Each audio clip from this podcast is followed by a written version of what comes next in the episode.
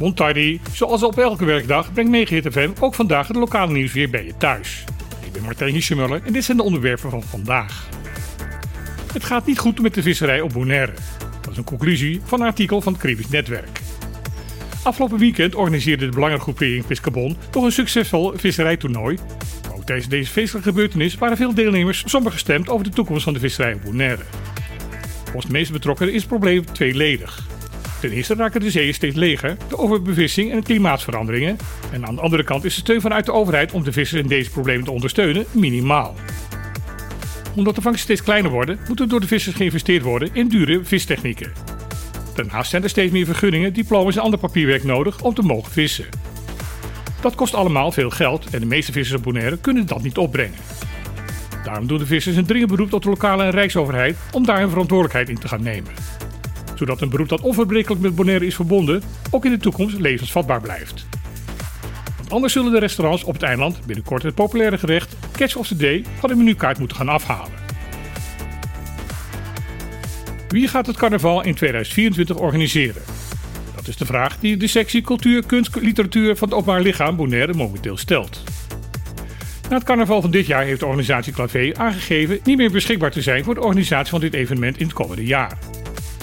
De SCAL roept daarom de andere organisaties op om zich te melden.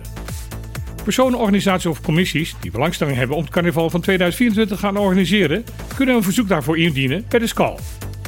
Daarvoor moet je je wel eerst registreren bij de afdeling Post en Archief aan de Calle Grandi. Er wordt benadrukt dat het een flinke klus is. Het gaat om het hele evenement, vanaf de opening van het carnavalperiode tot aan de verbranding van Rijmomo. Daar horen ook de verschillende verkiezingen bij, Toema-festivals, straatparades en jumps-up en jumps-ins. Omdat het om een groot evenement gaat, verzoekt de SCAL om naast de plannen van 2024 ook een meerjarenplanning in te leveren. Gezien de complexiteit sluit de overheidsinstellingen de samenwerking tussen meerdere organisaties niet bij voorbaat uit. Het verzoek om te mogen organiseren moet voor 30 september bij de SCAL ingeleverd zijn. Omdat het huidige Haagse kabinet vlak voor de zomervakantie gevallen is, moet er nu bepaald worden welke onderwerpen door de demissionaire regering nog behandeld mogen worden. De Tweede Kamer bepaalt daarbij welke onderwerpen controversieel zijn en welke niet. Zo ook zaken die betrekking hebben op Caribisch Nederland. Eerder had de CDA-minister van Sociale Zaken en Werkgelegenheid, Karin van Gennep, zich fel gekeerd tegen de invoering van de wet kinderopvang BES met ingang van 2024. Haar argument was daarbij dat de vergelijkbare wet voor Europees Nederland pas een jaar later ingevoerd kan worden. De twee wetten wordt onder andere geregeld dat de ouders een veel lagere eigen bijdrage hoeven te betalen bij gebruik maken van kinderopvang. Volgens Van Gennep zou het oneerlijk zijn wanneer ouders in Caribisch Nederland hiervan eerlijk zouden kunnen profiteren dan ouders in Europees Nederland.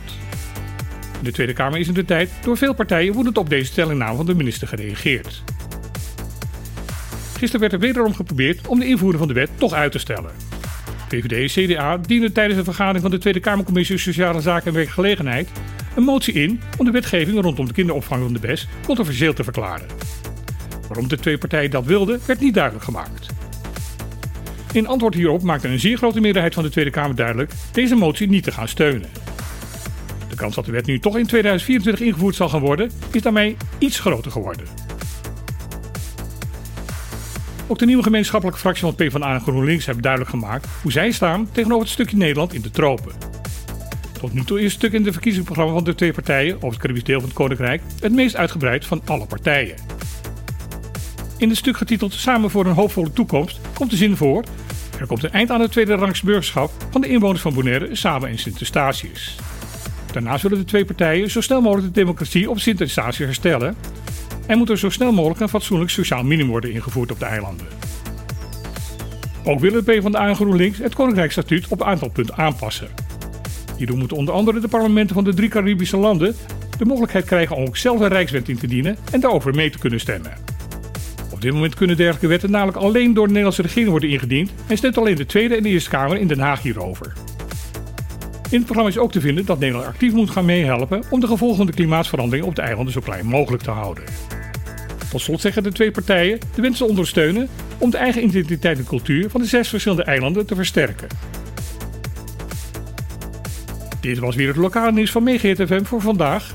Ik wens iedereen vandaag een mooie dag met niet al te veel moeilijke keuzes. En dan heel graag weer. Tot morgen!